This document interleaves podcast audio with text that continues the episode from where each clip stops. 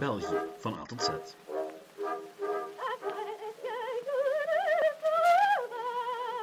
Welkom bij Geschiedenis van België. En welkom bij de allereerste State of the Union. Um, State of the Podcast. Een beetje zoals die Amerikaanse State of the Union of de Vlaamse septemberverklaring, maar dan voor deze podcast.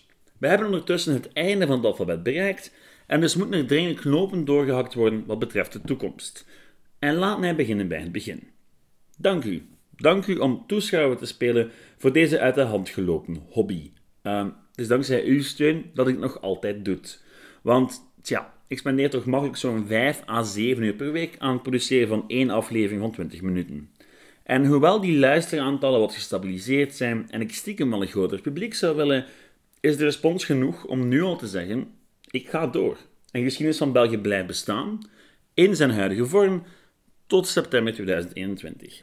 Want of ik het dan nog in staat zal zijn om dit te blijven doen, dat is een andere vraag. Tot dan krijgt u nog steeds wekelijks een aflevering voorgeschoteld.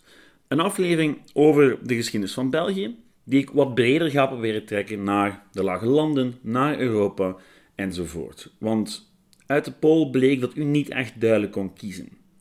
Wat u wel wist, was dat u vooral veel focussen op thematische onderwerpen en niet op het chronologische verhaal.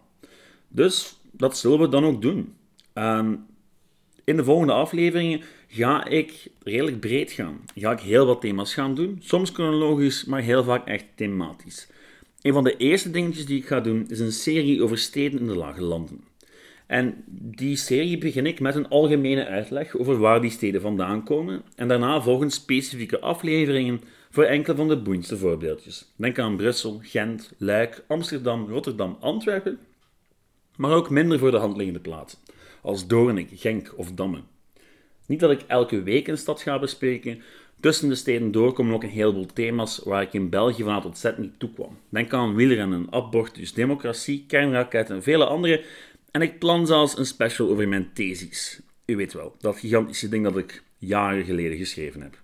Nu, eens de steden op zijn, is er nog de geschiedenis van de, van de Nederlandse taal, de Franse bezetting onder Napoleon en nog veel meer.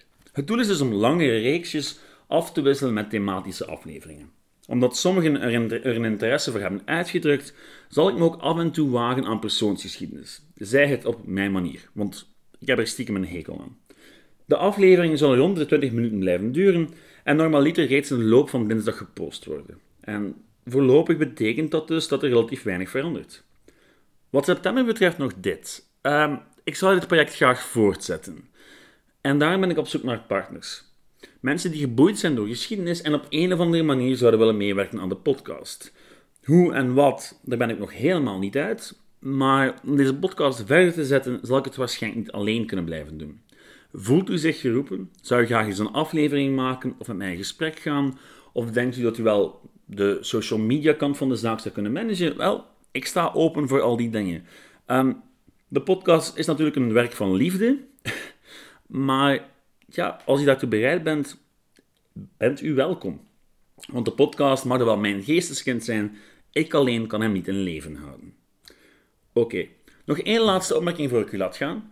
Morgen of overmorgen komt er een aflevering online, maar het is eentje die de meesten van u al gehoord hebben, zij het op een andere manier. Het gaat om aflevering 1 van Pourquoi la Belgique? In het Frans dus. Uh, dit is een probeerseltje ik ga nog niet de Franstalige tour op. Het is gewoon, ja, een probeersel. Het is logisch dat een podcast over Belgische geschiedenis ook in het Frans beschikbaar is. En wat dat betekent zal voor de toekomst zal heel erg afhangen van de respons. Maar voor u maakt het weinig uit, want vanaf volgende week krijgt u gewoon weer elke dinsdag een Nederlandstalige aflevering in de bus. Het zou wel zo leuk zijn mocht u de podcast dan ook aanraden aan Franstalige vrienden of familie of kennissen. Want ja, ik maak graag dingen als er naar wordt geluisterd.